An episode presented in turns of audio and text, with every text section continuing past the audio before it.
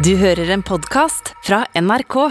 Er dette språklige fenomenet et anadrome eller anonym? Selv om anadrom på norsk brukes som ferskvannsfisk på vandring? Hæ? What? Hva?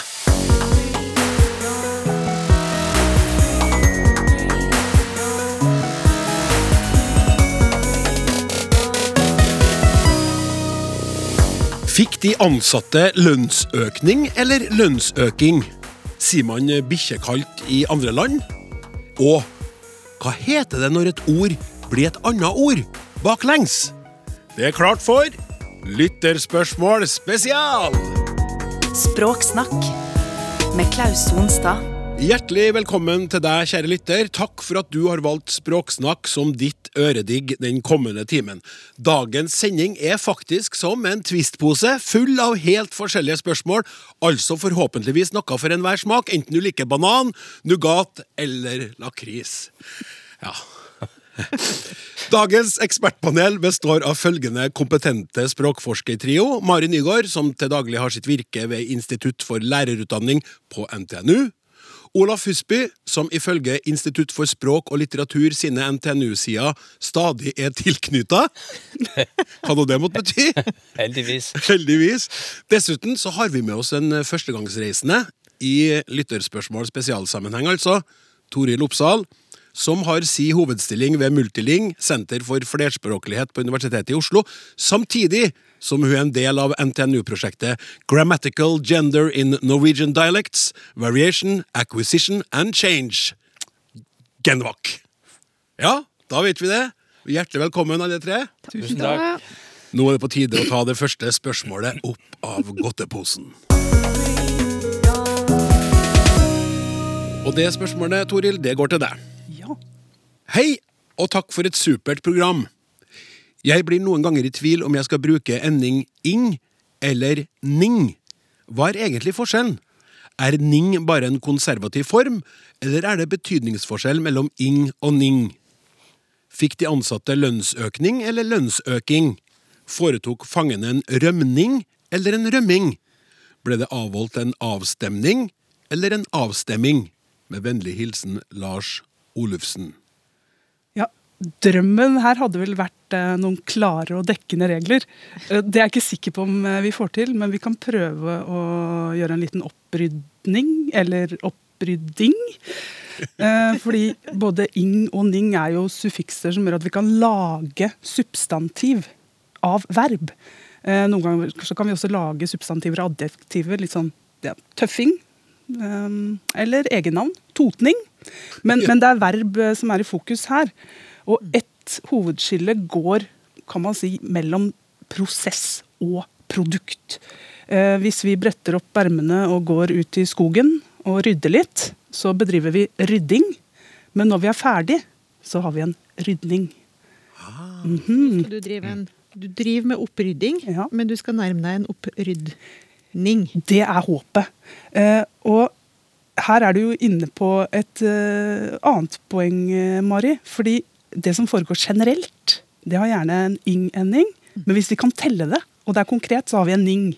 Eh, så trekking av garn eh, driver vi med, men, men trekning i Vinlotteriet, det skjer, eh, det skjer en gang i uka.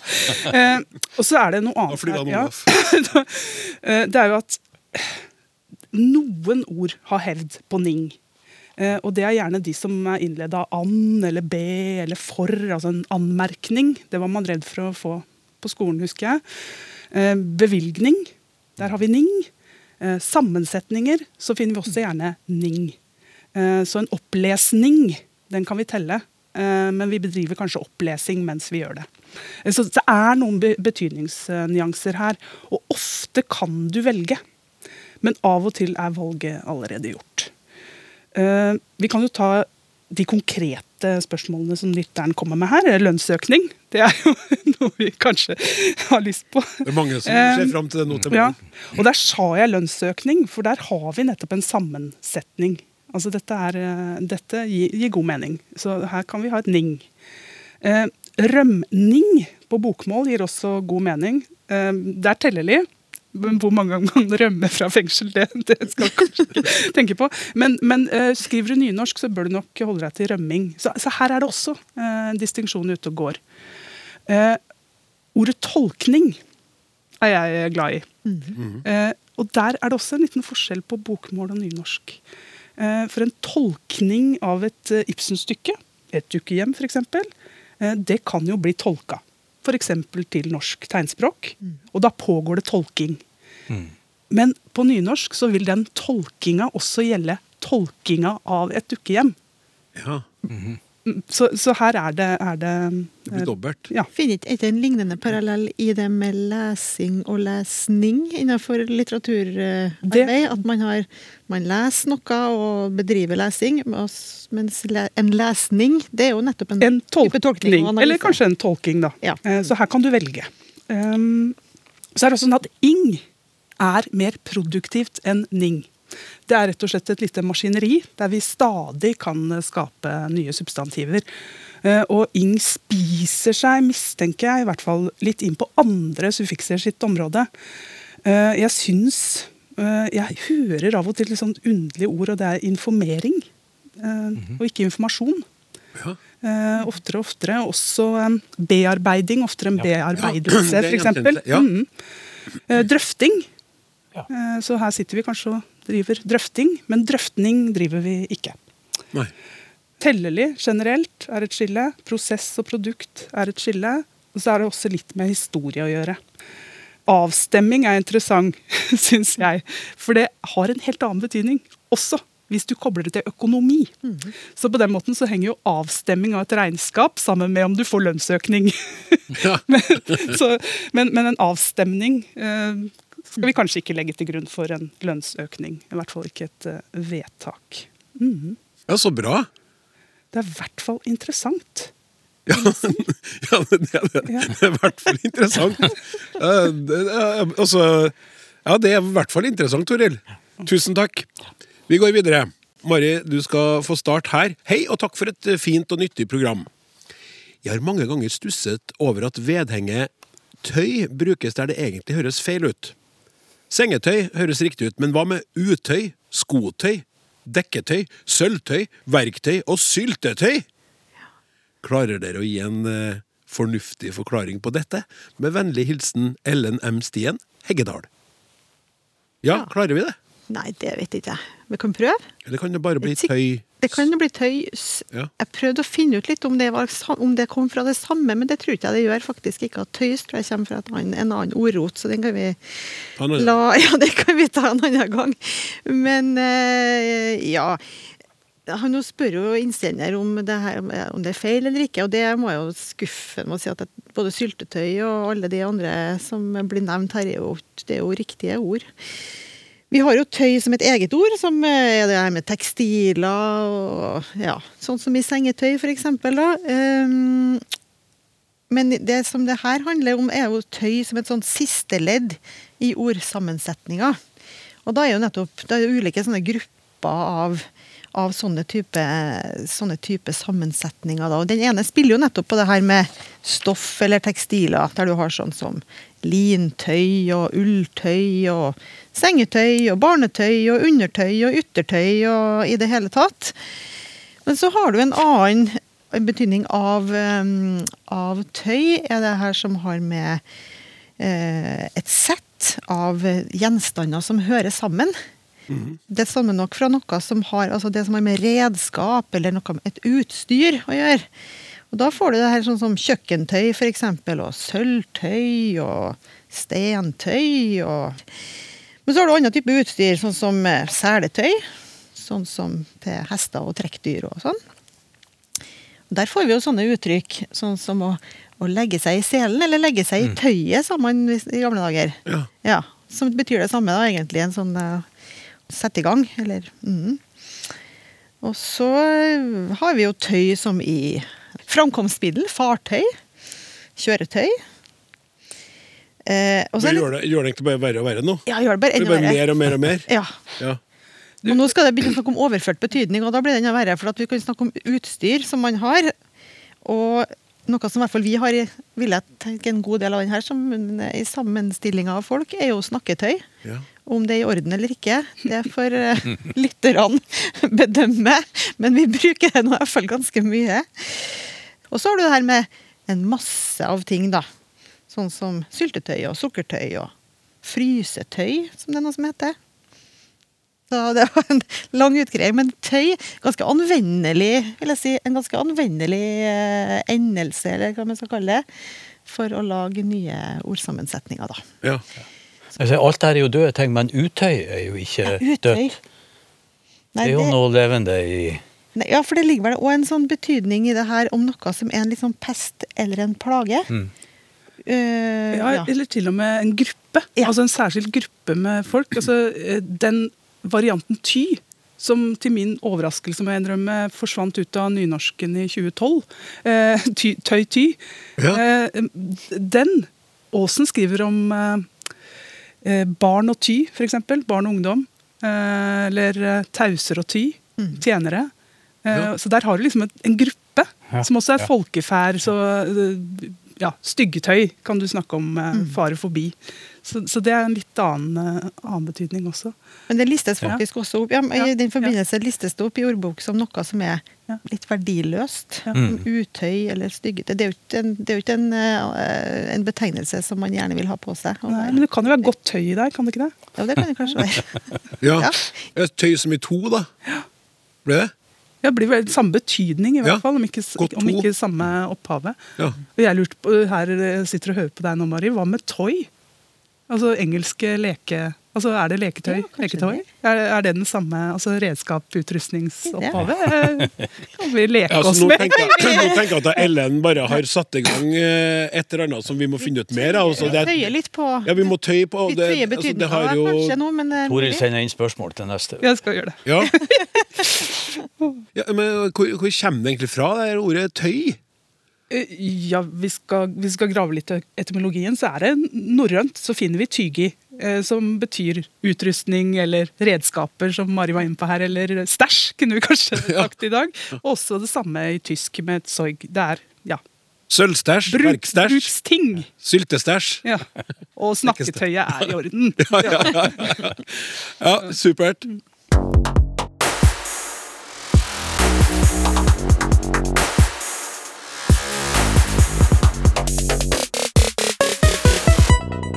Du hører på Språksnakk, og vi er godt i gang med Lytterspørsmål spesial. En time som er via til spørsmål som dere har når det gjelder språk. Og vi fortsetter med følgende e-post som er sendt inn til snakk krøllalfa nrk.no. Hei, Språksnakk. Før synes jeg at det var irriterende. Nå synes jeg at det bare er komisk. Jeg sikter til at nesten alle idrettsutøvere som intervjues i radio og på TV, starter setningene med 'nei' osv. Jeg hørte nylig at en ung gutt ble intervjuet av NRK om sin beundring for en av våre medaljevinnere i OL. Sannelig startet guttungen sine svar med 'nei'. Fins det en forklaring på fenomenet som kan berolige folk som meg? Vennlig hilsen Jan i Tromsø. Og jeg har ikke lagt så uh, veldig merke til det sjøl før vi fikk inn e-posten og begynte å lytte etter. Ja, sånn Har et lite klipp av en sliten Tiril Eckhoff, som etter sesongen blir spurt om hvordan hun har det. Nei, eh, jeg er vel på en sjuer eh, og én til ti. Og en sjuer fra én til ti, det er jo noe fint sted å være det. Er man det i livet, så er det ikke så verst. Men du starta svaret med nei. I alle dager, hva er det her for noe? Og nå, eh, hvis dere begynner å svare med et nei, så har det spredd skikkelig galt om seg. Eh, Jeg tror jo det her nei-et kan ha flere funksjoner.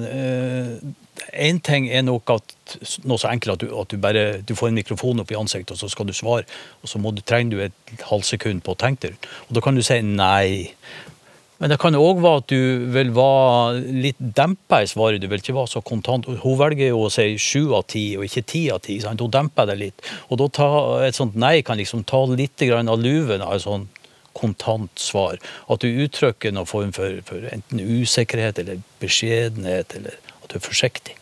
Det tror jeg kan være en måte å gjøre det på. Ja, Kan det da være sånn at du like gjerne kan bruke det positive? Ja, det tror jeg. Og det her er, jo, her er jo gjort en del undersøkelser rundt der, og man, man har jo klart å systematisert litt av den. For det er ikke tilfeldig hva som skjer her. Altså, språkbrukere, språkbrukere har en slags aning om når du kan bruke et ja og når du kan bruke et nei. Og jeg har blant annet sett at hvis det blir spørsmål om noe opplesting, altså hva har du gjort i dag? Ja, jeg har jo Først var jeg i byen, og så var jeg på jobben. Eh, Hvis du sier 'hva har du gjort i dag'? Nei, først var jeg i byen. Så høres det kanskje litt avstikkende ut. Da. Altså, du, du bekrefter noe positivt. Og en annen, eh, hvis du har det ja, er at eh, hvis du bringer inn noe slags bakgrunn Hvis at det eh, går på Fisketorget i Bergen, og så står det en, en fiskehandler og så spør jeg hva slags fisk er det her, og så sier han ja, jeg er jo fra Bergen, dette er en pale. Jeg vet jo ikke hva pale er, men da har jo han tatt et forbehold, ikke sant? Ja. Og hvorfor han sier pale. Han Artig at du tok oss det Fisketorget i Bergen for, for det der eksempelet. Du holdt å dra sørover og ikke nordover, Olaf. Ja, for vi har ikke pale nordover. Nei, nei, men det måtte være pale. Det var viktig for eksempelet. Ja, vi måtte jo, ja. Men dere som er språkforskere ja, ja, Nei, jeg tenkte Det var artig at det kom et eksempel fra skisport her. da. Fordi jeg, jeg må si at jeg tenker på nei som slalåmutstyr. eh, altså, det, er, det er en type eh, redskap vi har for å navigere oss gjennom samtalen og, og til å forholde oss til hverandre. Så, så hvis du støter på eh, et sted hvor det er du må svinge, eller svinge unna, eller gå videre, eller forholde deg til det du snakker om, eller den du snakker med, så dukker nei opp. Og også i sånne selvrepareringssekvenser, når jeg sitter og lister opp, som du sa nå. Skal vi se, I dag skal jeg vaske 60 grader, 40 grader. Nei, ullvask var det i dag. Ja. Altså, så, så du kommer tilbake på rett spor med nei. Eh, og du kan også markere forståelse. Det er jo så vakkert. Og overraskelse. Nei og nei. Overraskelse. Ja, og, og den der andre som du sa, forståelse. Ja, Sånn Nei, har du det? Ja. Er, det er det en sånn, den? det er det. Ja. Eh, og så kan du også stadfeste og understreke noe eh, hele veien. Altså Her blir det ikke noe ordentlig svar å få. Nei, det gjør det ikke. Mm. Så, så dette er nektende. Det, det, det som man tenker på først, det er, det er kun en ørliten del av alt det nei kan gjøre. Det er mye rom i, i nei, da, fordi at Tiril her er jo øh, er på sju av ti. Eh, dog ikke på topp, men ganske godt fornøyd. Høres blid ut når han sier det, om enn litt sliten. Ja. Og bruker da nei som er en, en fornektelse på et vis. Men sånn Nei! Sju av ti, ja. Så de sier jo ikke ja, sju av ti. Det vil jo ikke passe der. Nei, nei. Hvordan har du det? Ja, sju av ti. Det vil jo være, bli helt feil. Da må du komme med ei vurdering. Ikke sant? Ja, sju av ti. Alt sett under ett er det jo en god prestasjon. Ja, nettopp. Ja. Men du kunne kanskje sagt jo, sju av ti? Eller? Jo, Ja. ja, men jeg føler at den nei-en der det, det, Den er bedre, men den Den er er, best. jo er bedre enn ja, i hvert fall. Jo er bedre, jo bedre enn ja. Jo er bedre. Nei! Jo, det syns jeg. Og så fortsetter resten av programmet. Ja. Er det noen som har eh, noe mer å føyte, eller skal vi gå videre? Nei, jeg synes det er litt interessant det som du var på innledningsvis. med at, For Du har jo vært inn på alle de her eh, ulike betydningsnyansene som, det kan, eh, som det kan medføre og assosieres med. Men jeg tror jeg bruker det en del, både nei og ja, da, eh, som litt sånn Litt sånn som når du setter i gang motoren, men når du liksom gasser litt før du egentlig har begynt å kjøre, for å vinne litt tid. Du, sånn at jeg, sier, jeg, kan, jeg har hørt meg sjøl f.eks. si hvis noen stiller meg et spørsmål, så kan jeg si sånn Ja, nei, jeg vet ikke, jeg. Sånn at jeg liksom sier alt på Og det er jo for at jeg ikke vet helt hva jeg skal si enda. Ja, Jeg at du får det lille- Jeg må- Ja, og jeg trenger tydeligvis ganske mye mer betenkningstid jeg da, enn å bare si nei. Da er det virkelig, da er det virkelig slalåm, som Toril sier. Da, da har du ja Og nei. Ja. Da det liksom Og jeg vet ikke. ja. Ja. sånn.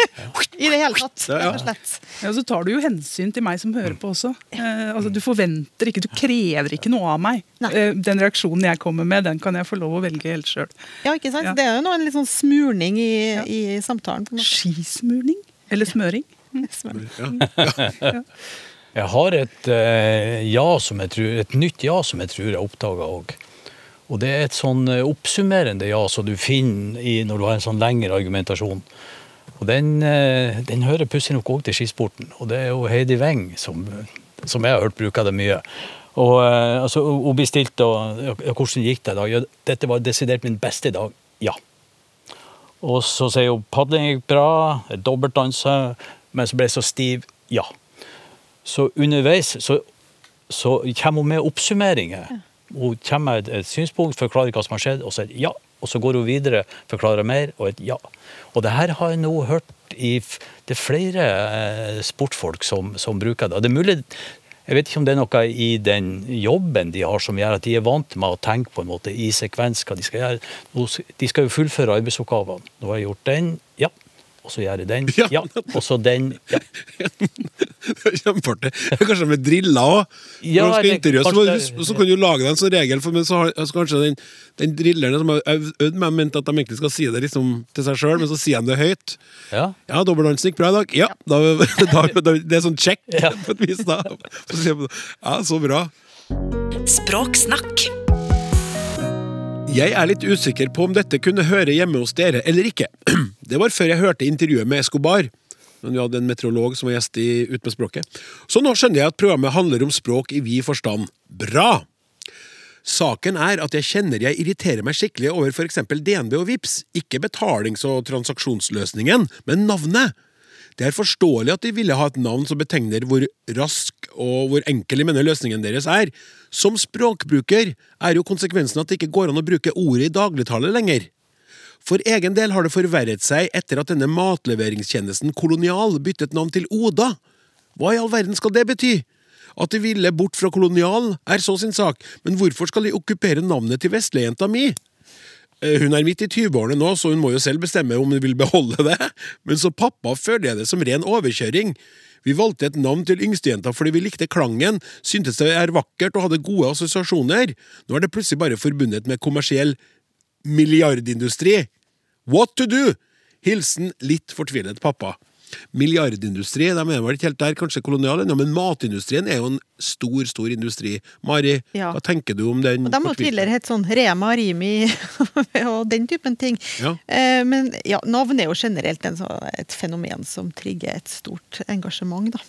Så det er jo artig. Men jeg, eh, jeg har lyst til å først kommentere det som man skriver om at, vi, altså det at de her ordene, f.eks. vips, da, ikke kan brukes i dagligtale lenger. Eh, men det gjør det jo eh, visselig. Det støtter støtt og stadig. Folk bruker det jo til og med som et verb. Og sier at man skal Å, kan du vippse meg? Jeg vippser jeg for det her. Jo, men da tenker jeg at hvis jeg skal forsvare far, Ja. så tenker jeg at Og så vips, så sto jeg der, vet du. På trappa. Helt uventa. Det... Den gode, gamle bruken av vips. Men har den forsvunnet ut av Nei, nei, det vet jeg ikke, men jeg tror det er det Det er det vi jeg mener. far snakker om. Ja. tenker jeg, vet ikke. Jeg, ja, jeg tror ikke han skal være så redd for at det forsvinner ut av språket fordi vi har fått VIPS som Vi har fått et, et nytt ord på fått- sida av det gamle VIPS. Så Ja. Ja, og litt av poenget med. VIPS er jo at det nettopp Unnskyld. eh, At det Ja. nettopp eh, VIPS, så hadde du pengene. Ja. Og den typen navn som blir til verb, jeg, jeg tenker vel kanskje litt sånn omvendt at eh, det er nettopp et tegn på at navnet fungerer ganske bra, da. Men han er, han er mer opptatt av å beskytte ordet før det ble et navn, han da, enn omvendt. Det, det, altså, hvis jeg skal Eh, tolke det sånn, Men jeg, ja. jeg er jo jeg er lege her og ikke lærd, så jeg, jeg vet ikke. Nei, men i hvert For fall jeg er enig, jeg er enig med deg. Ja, ikke sant? Sånn gode navnevalg kan jo være hvis de går inn i språket på en naturlig måte, sånn at f.eks. at de brukes i naturlig i setninger, sånn som å vippse, da, eller og, og nave har jo blitt et sånt eh, Det er i hvert fall et vellykka verb, om det er vellykka som strategi i livet, det vet ikke jeg. Eller å, å fe, Skal vi facetime? Som jo er et sånt verb. Men, Vips er jo kommet så langt at det er jo inne i ordboka, og der har det jo fått en liten korreksjon, for den ene P-en er jo borte. For V i PPS stemmer jo ikke med norsk rettskrivning. Så den ene er borte. Og vipse, det er et regulært verb. og går utmerket inn i norsk. Ja. Og det, det fyller en tom plass. Det var ikke noe, altså Vi hadde vips ja, som en sånn utropsord tidligere, men nå har vi fått et verb òg. Ja, men sp bare sånn kjapt spørsmål før Mari fortsetter, da. For vi skal jo inn til Oda og andre navn. Sier dere vips eh, altså i den andre betydninga av ordet? Eh, bruker dere det, eller er det ut av vokabularet? Toril? Ja. Vips fikk hun et spørsmål. Jeg, jeg tror jeg kunne, jeg kunne gjort det. Ja. Ja. Ja. Ja, det tror jeg. Jeg Ja. Tenkt over at det har forsvunnet ut. Nei. Men eh, Nei, så bra. Men da det kan, kan man jo undersøke, selvfølgelig. ja. Noen som kan søke om midler til å forske på det? Det vært et veldig artig prosjekt. skal noen Vips, vet vipse? du! Kan noen vipse meg penger til forskning på vips?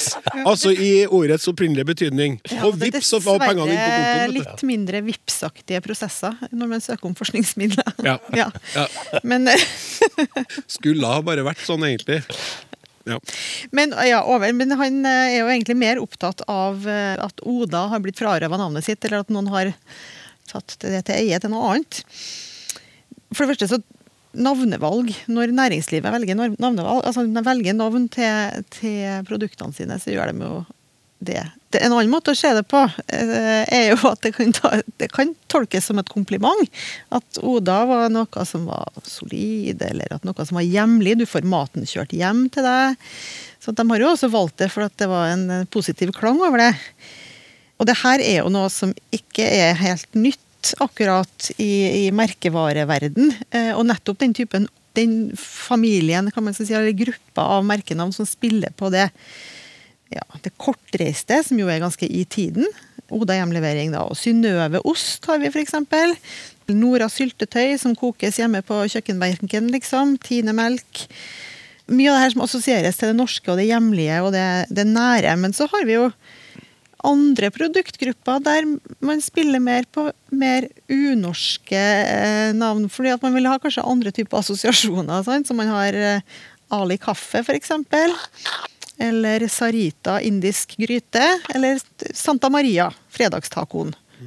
De har ikke bare sagt Maria, men det var Santa Maria for å få fram at det her er jo ikke det norske navnet Maria vi er ute etter her. Og så blir jeg jo litt sånn i stuss for at Hva er alternativet hvis vi ikke skal bruke Altså, hvis vi skal bruke navn eh, på ting som på en måte ikke vi assosierer med så mye, eller vi som ikke er brukt før. Vy, for eksempel, ja. Mesta. Eller eh, Mesta. Mesta, eller Equinor, eller Ja, det er flere sånne. Og vi vet jo av mediediskusjoner at det gikk jo ikke upåaktet hen eh, da NSB, eh, forkortelsesnavnet som betydde noe, Norske Statsbaner, gikk over til å hete Vy. Vil vi heller det, liksom? Mm. Ja. Jeg tror innsender vil det, ja, innsender vil nok det. men kanskje ikke vi andre. Ja, det er hadde du noe på Nei, jeg bare registrerte en sånn fin oppsummeringsja her. Ja, det gjorde du vel. Da kan jeg si nei. Altså man støter jo på andre utfordringer òg, og det er når navn er likelydende med andre ord. Eh, og jeg husker en gang i hine hårde dager jeg satt og jobba med ordet Siri i Norsk ordbok. Eh, og navnet Siri, eh, jentenavnet, kommer nok fra Sigrid. Eh, og det betyr jo vakker strid. Altså, hvorfor skal man ikke hete Siri? Problemet er at det er også et ord som blir brukt om eh, dobøtte på skip eh, i kystkultur. Så du har rett og slett eh, en pøs i enden Ja. av en, et tau. Så, det Er sant? Ja. Eh, og så har da, om det er Apple eller Amazon Jeg husker Jo. ikke forskjell. Det er Apple som har en, et orakel som heter Siri. Og jeg, jeg må innrømme at jeg flirer litt av det. Nå skal vi høre, høre med bøtta. Altså, jeg, ja. Så det sitter igjen. Men, men Siri er et vakkert navn. Det er jo, Som og ingen Oda er et bøtte vakkert kan navn. få lov Å, å er et vakkert navn. Ja. Ja. Nei, jeg har bare et skjellsord der. Du din Siri Halar. Og Det er jo han som da må tømme bøtta og Ja. vaske den i sjøen, og så dra den opp igjen. Ikke? Aldri hørt. Nei, det. Altså, det her programmet jeg Gleder forhåpentligvis uh, lytteren, men gleder i alle fall programlederen. Ny kunnskap hver gang.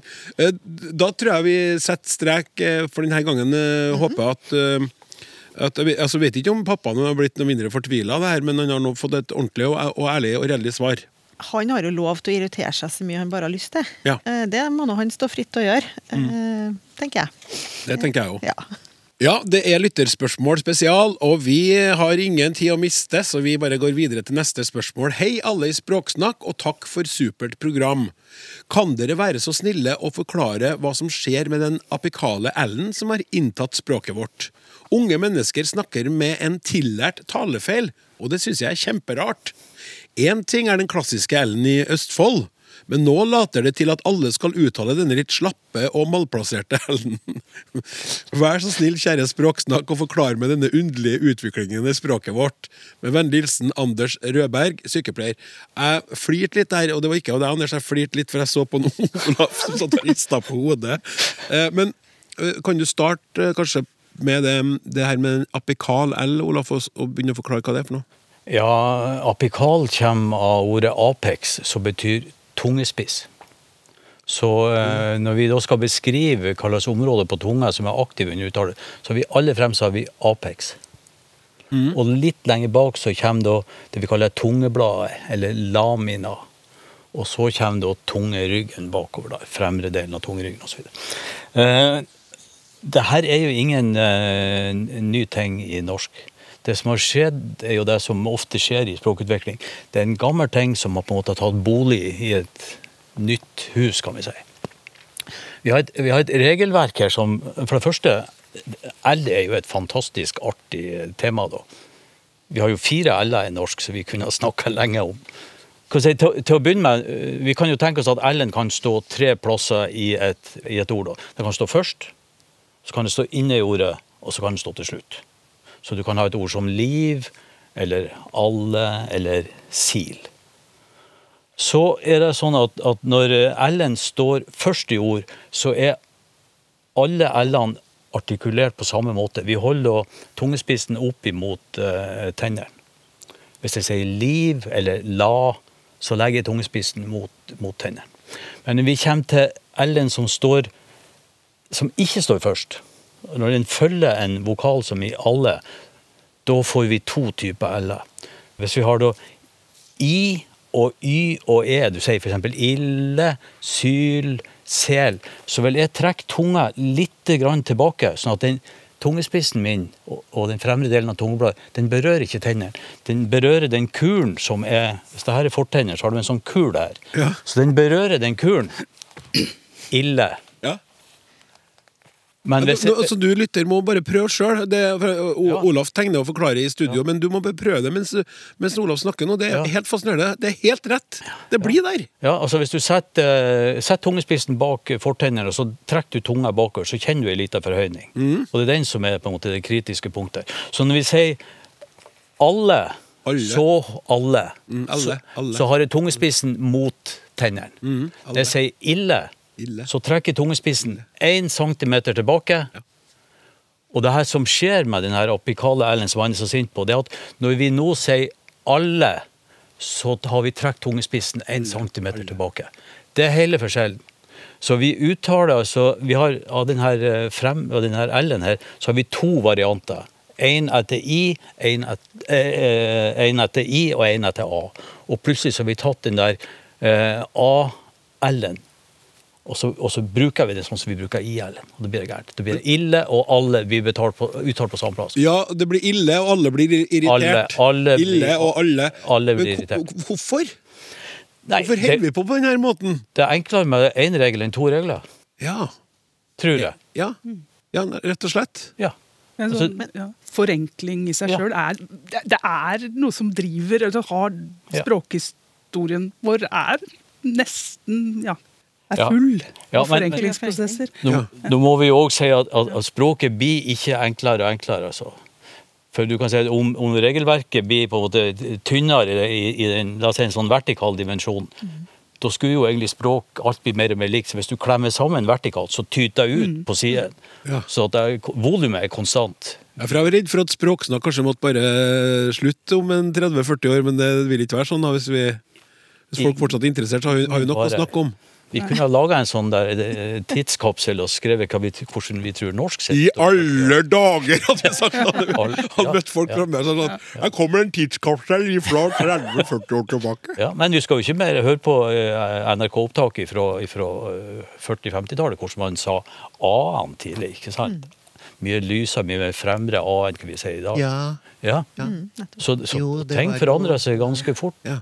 Det gjør det det som gjelder både disse a-ene og l, l, l, det er jo at de betyr jo strengt altså Det, de, de gjør ikke noe med betydningen. Nei, vi, nei. vi, får bolle om vi ber om det. Ja. Altså, ja. Med mindre vi treffer ja. lytteren vår her, da, da, er jeg litt i tvil. Så, så, så det er ikke noe som holder igjen som det gjør i en del andre utgifter, F.eks. denne sh, altså dette sammenfallet. Der er det jo fortsatt noen sånne minimale par hvor ord får en ny betydning. Ja. Ja. Og jeg husker fortsatt en helt fantastisk student som jeg møtte, som jeg lurer på om var i første generasjon alle bruker, som satt på eksamen og snakka om elevtekster. Dette er noe for deg, Mari. Og så sa hun Ja, nå skal jeg gå gjennom alle referentskjedene i teksten. Og det, men dette her var et Ja. eh, strålende oppegående menneske som eh, ja. Men, eh, men hvilke, hvilke l-er bedriver de, Toril? Du, jeg, jeg bedriver både apikale og eh, laminale l-er, men i smug, i smug hjemme Hvilke er det du bedriver mest i smug? Hvilke er liksom mest egnet for de smuglige aktiviteter? Altså, du flytter denne land-L-en over i ball. Ja, eh, ja. Så, så hjemme er det litt eh, ball av og til. Ja. Går det litt i ball hjemme? Det går litt i ball hjemme. Olaf, noe å tilføye før vi går videre? Nei, altså ikke annet enn at det det er et viktig poeng der at, at altså vi, vi kan jo fort tro at i og med at vi har én bokstav som heter L, så er lyden L på en måte entydig definert. Og Det gjelder i grunnen alle språklyder. altså De har varianter. Og Der én variant brukes på én plass, og en annen variant brukes på en annen plass. Hvis jeg sier, eh, hvis jeg sier eh, skatt og katt, så er det to k-er der. Og, og den andre k-en har et tydelig pust. En sånn k, sånn katt. Og det er nok til å skjelle. Hvis jeg sier Pers katt og Pers skatt, så er det det lille pustet midt inni som avgjør om vi snakker om katten eller skatten. Men, men vi regner det som én k. Men den har to varianter. Ja, Og, men nå kan vi gå videre. Det her er så interessant at vi, vi har jo noen planer. Vi, vi har noen slu planer eh, når det gjelder eh, fonetikken, Olaf, men det skal vi komme tilbake til senere i Språksnakk. Nå må vi videre til et nytt eh, spørsmål. Hvorfor flertallsbøyer de aller fleste i dag ordene kollega og scenario slik?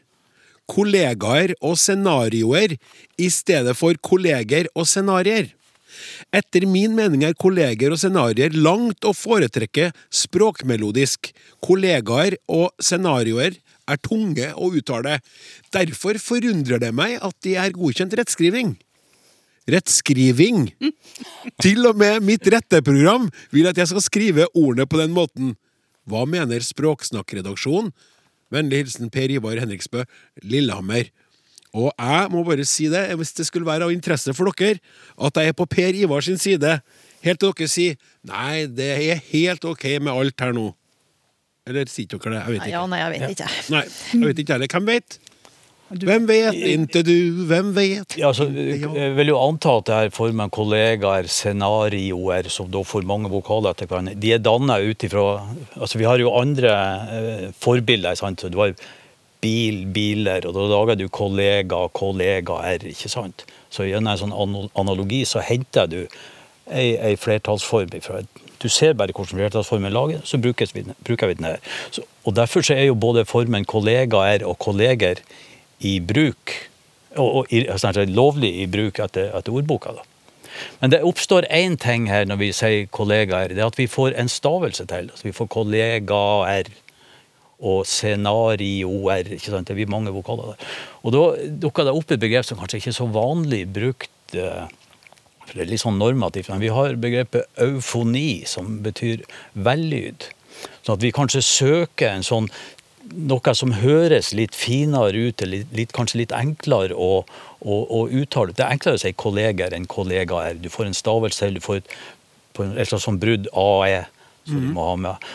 Det motsatte av eufoni, det kjenner vi jo, det er jo kakofoni. Ja. Ja, det er jo oversatt til norsk med mislyd. Så det, det, vi, det lytteren her reagerer på, det er antagelig den der kakofonien som vi får da med AE og så OE. Og da foretrekker vi hele denne eufonien med at vi går rett ifra G-en og over på. på. Kjapp spørreundersøkelse i studio. Eh, Hva, hva sier dere? Ja, eh, altså, jeg sitter og, ja, Nå klør jeg meg på nesa, eh, og det, er ikke noe, med- det, var litt av ett scenario. Eh, For det er jo et nøytrumsord. Altså, det er noe annet. Så, altså, det er et intetkjønnsord, mens kollega er et hannkjønnsord. Så disse her har jo ulike bøyningsmønstre i utgangspunktet. Så jeg er helt enig i den veien du går nå, Olaf, at dette må jo handle om lyd. Um, men, men dette med kakofoni og, og så, altså Jeg reagerer litt på den nynorskvarianten av kollega, for da blir det jo kollegaer. Ja. Der har du rett nok den samme vokalen. Eh, Du kan også skrive kollegaer, men, eh, men en rett eh, altså bøying på nynorsk av tannkjønnsord er jo da kollegaer. Den reagerer jeg på. Eh, Jeg- jeg jeg- si. jeg- Skal du, du, du er litt sånn Du er med på alt som er moro, Olaf? Ja, nei, altså, jeg bare tenker, altså, Vi har jo noe sånn Det som blir litt rart med nynorsk, er jo at den, a-en der er trykksvak. For Ja. på bokmål har du jo ord som releer. Ja. Og det reagerer vi kanskje ikke på, men da har du en trøkksterk og en trøkksvak. Som, Men har dere svart dere litt bort fra noe? Det er spurt om hva dere sier. Hvis dere jeg er enig da, Ja. det det blir rart å spørre om begge. Jeg, hva sier dere? Kolleger eller kollegaer? Hva, si, hva sier du, Mari? Jeg sier det jo når du Jeg måtte kjenne etter nå, for jeg bruker jo ikke r-en i min dialekt. nei. Eh, Så jeg sier, jo, jeg- sier jo nettopp det som du, vil, du reagerer på på nynorsk. Jeg sier Ja. kollegaer. Ja. Eller egentlig så slår jeg sammen dem annen, tror jeg. Til flere kollegaer. Hvordan vil du skrive det, da? Jeg tror jeg ville brukt annen, faktisk. Kollegaer. Mm. Olaf? Men jeg, Jeg, jeg, jeg er usikker på hva jeg skriver, men jeg har jo, jeg har jo ikke e heller. Jeg har jo en æ, så hos meg blir det en sånn kollega-æ. Eller kolleger. Men altså, jeg har jo ikke den r-en heller, så det, det ja. Toril? Jeg ville vel vil svart medarbeider og sluppet unna det. Men eh, Det blir svaret, det blir svaret til, til det godeste Per Ivar. Uh, I hvert fall der. Uh, ja, kan du bytte ut scenarioer med noe annet? Kan du gjøre det samme? Altså? der blir jo, altså, jeg vet ikke om det er kakofoni eller vellyd, eller hva det er, men der vil jeg i hvert fall ha sånn scenarioer. ja. Ja, Det er jo voldsomt til vokalklang. Ja, vi, Men da er det, jeg er litt redd for å tråkke i salaten, men jeg tror ikke scenarier er et uh, normert uh, Altså, jeg tror ikke det er greit. Jeg kan bare si noen, altså Sofa, BH, ikke sant. Alt det her er ord som går bra på norsk, og med flertallssendinger òg. Sofaer. BH-er. Ja. Sofa Sofa. BH-er. A. Er- nei. Ok. Da skal vi videre til et spørsmål som kom inn eh, 22.02.2022. Eh, altså 22. februar i år. Eh, og vedkommende skriver Hei, dagens dato er et palindrom. 22.02.2022. Den er til og med et ambigram. Dette førte til palindromlek med sjuåringen. Så tenkte hun seg om og kom med følgende spørsmål. Men hva heter det når et ord blir noe annet baklengs, pappa? Pappaen ble svar skyldig. Vår venn i nøden, Google, ga smådiffuse svar. Er dette det engelske Wikipedia kaller for anadrome og eller anonym? Altså palindrom, Anna, Otto og regninger. Samme ord forlengs som baklengs. Men hva med Agnes, senga, esel lese, dør, rød, ord, dro? På et vis blir dette et anagram, men det skiller seg likevel fra mange anagram. Nyss baklengs blir syn, som gir ingen mening, mens et anagram for nyss kan være syns. Er dette språklige fenomenet et anadrome eller et anonym? Selv om anadrom på norsk brukes som en ferskvannsfisk på vandring. Eller har det ikke noe navn annet enn baklengs? Alt vel, Geir Holen. For et herlig spørsmål. Hilsen til sjuåringen òg, Geir. Og nå er jeg spent på svaret her, ja. Ja, nå hopper vi inn i en kjempeartig verden. Og første spørsmål er jo til dere, hva er et ambigram? Og spørsmålet mitt tilbake er ja, nettopp. Snu arket opp ned, og så kan du lese det. Det er et ambigram. Og hvis du snur deg opp ned, altså de her totallene de ser nesten ut som sjutall når du Det er litt avhengig av fonten du bruker, men sånn, så står det da 7702220077. 7707 7077. Ja, det blir, ja, ja, det blir bare sjutall vi har totall når du snur opp ned. Ja. Og hvis du husker sånne veldig gamle klokker, de hadde sånne pynta sjutall som så nesten ut som en opp-ned toer. Ja. Ja, så det er et ambigram. Så at du kan snu teksten opp ned. Vi har, altså Hvis du snur ordet i opp ned, eller bokstaven i ordet i opp ned, så har du jo et ambigram. Så det er ambigrammet. Men det er ikke det vi skal snakke om. Nei. Vi skal snakke om anagram eller anadrom. Og, og eh, eh, navnet, eller den betegnelsen han er ute, er antagelig anonym. Altså Anonym betyr jo at du leser baklengs. Men forskjellen Altså et ekte anonym behøver ikke å bety noe når du leser deg baklengs. Du leser deg bare baklengs. Og det gir jo rom for koder og hemmelige språk. Og man har jo i Mandal et, eh, eller hadde, kanskje det ikke er aktiv bruk lenger, et slags kodespråk som har i seg sånne her anagrammatiske elementer, hvor du snudde på elementer i ordet, og så ble det et hemmelig, hemmelig språk. altså. Du verden. Ja. Eh, Det andre ordet han snakker om, det er anadrom, og jeg lurer på om det egentlig bare er siste endelsen er henter fra palindrom. For et, et palindrom, som han, han sier, det er jo ord som blir helt like når du leser de eh, begge veiene. Da. Og her er jo eh, Jeg vet ikke hvor lang verdens lengste palindrom er, altså, men det er en novelle på en måte. Altså. Der folk jobber seriøst med å lage lengre og lengre palindromer. Ja. Så det lengste jeg vet av det her A man, a plan, a canal, Panama. Det blir akkurat det samme baklengs. Og det her er sport for, for nerder, og blant lingvister, tror jeg. som sett. Liker sånne rar... Hva? Jeg fikk litt lyst til å begynne med det. Ja. Men hva sa du at anadrom var, da? Ja, Et anadrom er altså Jeg tror det er en slags synonym til anagram. At han bare henter endelsen drom ifra palindrom. Ja. Ja. Det her med fisken kan vi se bort ifra, for det betyr jo òg en sånn Kanskje en ferskvannsfisk. ferskvannsfisk som svømmer baklengs? Ja, ja. Men i det, i det settet her av, eh, eh, sånne måter å manipulere ord på, så har du jo mange Vi har jo anagram, sant, hvor du kan bytte om bokstaver i et ord og få, og få et, et nytt ord. Du har noe som eh, Ja, jeg så forresten Klaus Sonstad. Du kom bra ut som østlandsk os. og Altsaks sound. Men det ble litt verre. Sånn dass-konsulat. Men det, det, det er jo sånn en type som du finner i poesi, sånn som Kulturuke, Mm. Ja, ja. til Jan Erik Vold, Ja, eller eh, eh, sånn som i han derre 'Grevinnen og hovmesteren', som ønsker soff godt i Ja, eller ja, myta ja. mi, eller noe sånt, siden Ja, når han går ja. til sengs. Ja, og da bytter vi kanskje stavelse, da. men men det her er Ja, du, Ja. du flytter lyder rundt omkring. Og her er det jo uh, ulike Du kan da ha Uh, det er noe som heter blanagram, som jeg tror noen skrebbelspill har. At du har en blank brikke, hvor den blanke brikken får, blir definert i spillet, altså under spillet. Og da, kan du, da vil den plutselig gjelde for Da har du altså hele alfabetet tilgjengelig minus én lyd, som du definerer. Og så har du noe som heter et heterogram, hvor eh, en bokstav bare får bli brukt én gang. Og jeg satt i går og plagdes veldig med å prøve å få til et norsk eh, heterogram, men jeg kom så langt som eh, eh, vant eh, en sexquiz i et eller annet Det er så vanskelig å få alle ordene. Men, men så, Olaf, dette er jo helt fantastisk. Jeg, jeg er ganske sikker på at uh, her og nå så sitter en gjeng nede i Kristiansand som kunne svart på deler av Ja. dette, for det er nemlig norgesmesterskap i lagskrabbel. Oh, ja. Ja, det pågår nå ja, Ja, ja. Norgesmesterskap i lagskrabbel. Ja, ja, ja. Dette er flott. Ja. Ja, ja, pangram, du bruker alle bokstavene i alfabetet. Og så er det til og med skrevet en, en lipogram. Da tar du ut en bokstav. Så Georges Perec hadde skrevet en roman på fransk uten bokstaven E.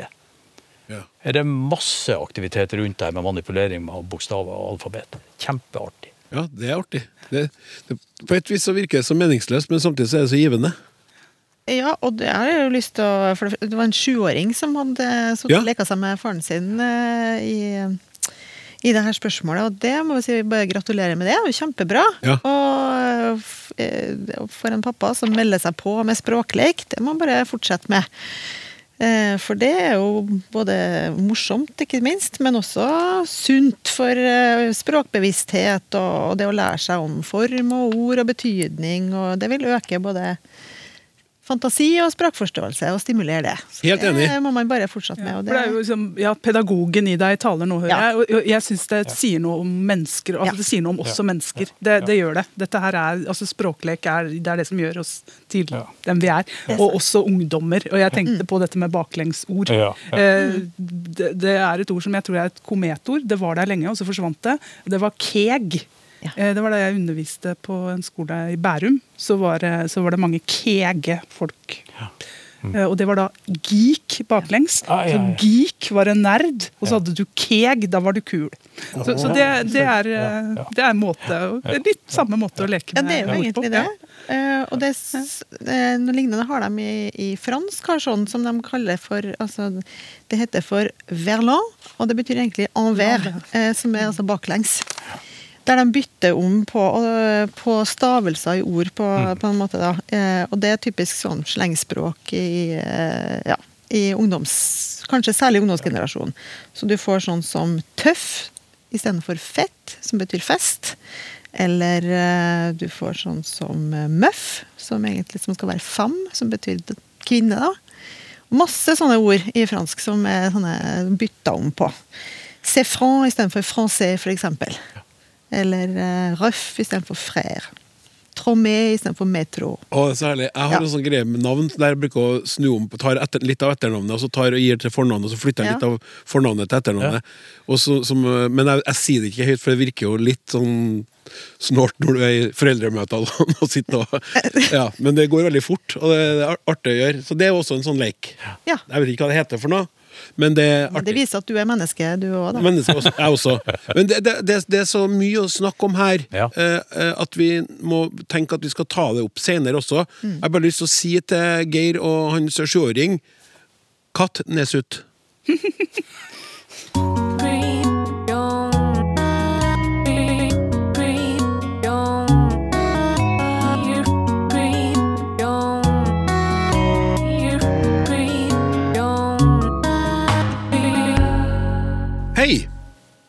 Du vet vel, håper jeg, at du lager et av de mest interessante, opplysende og morsomme programmer på NRK. Eh. Eh, det kan være at det føles som et TV-program, men nå kikker jeg på dere tre som er her. Toril, Olaf og Mari, det er dere som lager programmet. Jeg sitter nå bare og kikker på dere og hører på klokskapen. Takk skal du ha, kjære lytter. I går overbelastet jeg høyre ankel ved å bære tung pose fra innkjøp på Kiwi i tillegg til treningssekk. Da jeg skulle beskrive det for venner på SMS, falt det naturlig å si dette er svinevondt. Begynte å lure på mm, andre beskrivende ord fra dyrenes verden som eh, gåsehud, bikkjekaldt, altså svinevondt. Brukes det i andre språk? Sikkert noen i ditt panel som vet eh, om man oversetter slike uttrykk til engelsk, fransk, spansk. Hilsen Kirsten Viker Lunde. Ja, det er i hvert fall ikke meg, Kirsten, så her kikker jeg på panelet med et desperat blikk. Et desperat blikk. Hundeblikk! Ja, med bedende øyne. Med bedende øyne, ja. Ja. eh, Være så snill. Være så snill. Ja, det, vi kan jo bare spekulere i om at det er et, måte, et eh, universelt Eller at det er, skjer i ulike språk. Det, det gjør det. Ja. Eh, og hvorfor det gjør det, det, det vet ikke om jeg skal by meg inn på å svare på, men det gjør det i hvert fall. Det fins den typen uttrykk i, i en del andre språk òg. Blant annet så har man i både fransk og engelsk ulike uttrykk med dyr om, om det her som Det her kommer aldri til å skje. Eller sånn som i Norge noen ganger sier, eller jeg har i hvert fall sagt Nei, hvis det skjer, da regner jeg kremboller. Ja. Ja. Da sier man f.eks. 'when pigs fly' på engelsk. Altså Eller eh, 'quand les poules auront les dents', altså når eh, høna får tenner. Det skjer ikke før den dagen, Ja. liksom. Eller når katten synger, sier man også i fransk. Eh, Og det med bikkjekaldt kan man kjenne igjen også fra et par andre språk. Så Froid de chien, sier man f.eks. Altså, som er Skje, ja, det er hund. ja, det er hund. Hund og kaldt. Jeg husker jeg ble kalt en gang, i, også i Frankrike, da, som, eh, for polett. Som egentlig betyr kyllingen eller lille høna mi. Og det var egentlig ment som et kompliment, men det tok ikke jeg det som, da, for å si det sånn. For i norsk er jo det ganske Jeg vil ikke anbefale å kalle unge damer for det, da. Nei, Så jeg skal komme med en liten sånn anbefaling her fra studio, så tenker jeg ikke gjør det. Nei, ikke gjør, det. Ikke gjør dette hjemme. Nei, eh, men det er helt greit Ja. eh, der, da. Det var bare Ja. litt sånn hyggelig kjærlig. Det var hyggelig å si til noen man kjente godt. ja. Nei, men det, ja, vi antar jo at det her er universelt, og det kommer nok at, at dyr har kvaliteter som gjør det ja, altså vi, vi, det, vi får mer å si når vi bringer det inn i språket. sant? Så elefantminne, ikke sant? et tigersprang, ei sånn eh, stakkars hund, i, utegående hund i Syden som lever et hundeliv. Mm -hmm. Jeg har nettopp besøk fra Mexico, så vi, her ble jo et tema da. Og de kunne jo fortelle om eh, hestesjuk. Malde caballo. Oh, ja. Hestesjuk. Steng i sida. Å ja. Og så hadde de òg Malde mal puerco, som da er svinesjuk. Og det er den følelsen du har når du har spist et fantastisk godt måltid og blir sånn ordentlig sigen og trøtt og vil gå og legge deg. Det er på andre sida, når du har hatt oksehunger, så blir du svinesjuk etterpå. Ja, Ja. ja. Og, og de brukte bare et sekund på å hente opp sånne eksempler, så det var, det var ikke vanskelig. Så, Så det her antar jeg at det, man observerer dyr, man ser kvalitetene de har, vi gjør noe paralleller til vårt liv, og så har vi et nytt begrep. Ja. Rett og slett. Ja. Ja, italiensk, for eksempel, hvis man skal si lykke til, så eh, kan man si in bocca al lupo, altså i eh, munnen til ulven. Det var litt sånn odd. Eh, en gang til. I, I ulvens munn. al lopo. Ja. Så, Og da skal er- man svare eh, Altså hvis man skal si takk, da, så, eller sånn, så, eh, så kan man da svare crepi. Eller crepi i lupo. Og det betyr 'måtte ulven dø'. For som at på en måte er lykke til, og du måtte ta knekken på denne ulven som da plager deg. i det her du, mm, Da vil det gå bra, hvis du tar knekken på ulven. Vi håper du ser den klapper inn kjeften. Ja, det, var- det, det, var, det var Det jo var litt litt mer, litt mer avansert. Ja, Ja. kanskje. Måtte du ha griseflaks? Ja, måtte du ikke ramle Nei, det er, et eller annet. Det, det er sånn fint sånn tilbakemelding på det. At Ja. uttrykket henger sammen. Har vi det, da? Det, sånn, nå spør jeg jo noe vi ikke har forberedt oss på, men det kan ikke jeg komme på at vi svarer tilbake med noe sånn dyraktig tilbake. Hæ? Dette går den veien høna sparker. Ja. Nei. Ja, dette går den veien høna sparker, men hva sier vi da?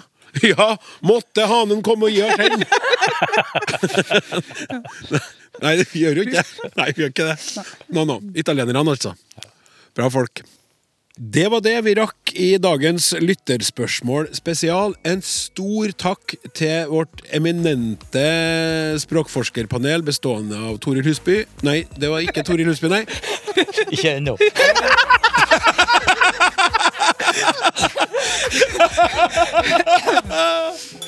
Åh, åh, utrolig bra. Vel for en sending. Ok. En stor takk til vår eminente språkforskertrio bestående av Tore Lopsahl, Olaf Husby og Mari Nygaard. Takk til deg som hørte på. Har du spørsmål som du har kommet på nå underveis, send dem inn til snakk. krøllalfa.nrk.no. Tekniker Martin Våge, produsent Hilde Sahl og programleder Klaus Sonstad ønsker på gjenhør. Vi snakkes.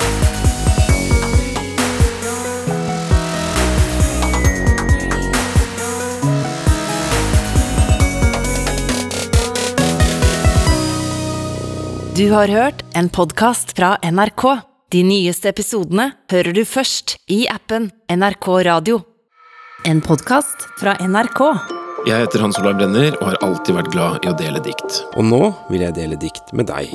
Nei, dikt faen! Det er mange i Norge som har traumatiske minner om diktanalyse. Nå skulle norsklæreren min sett meg.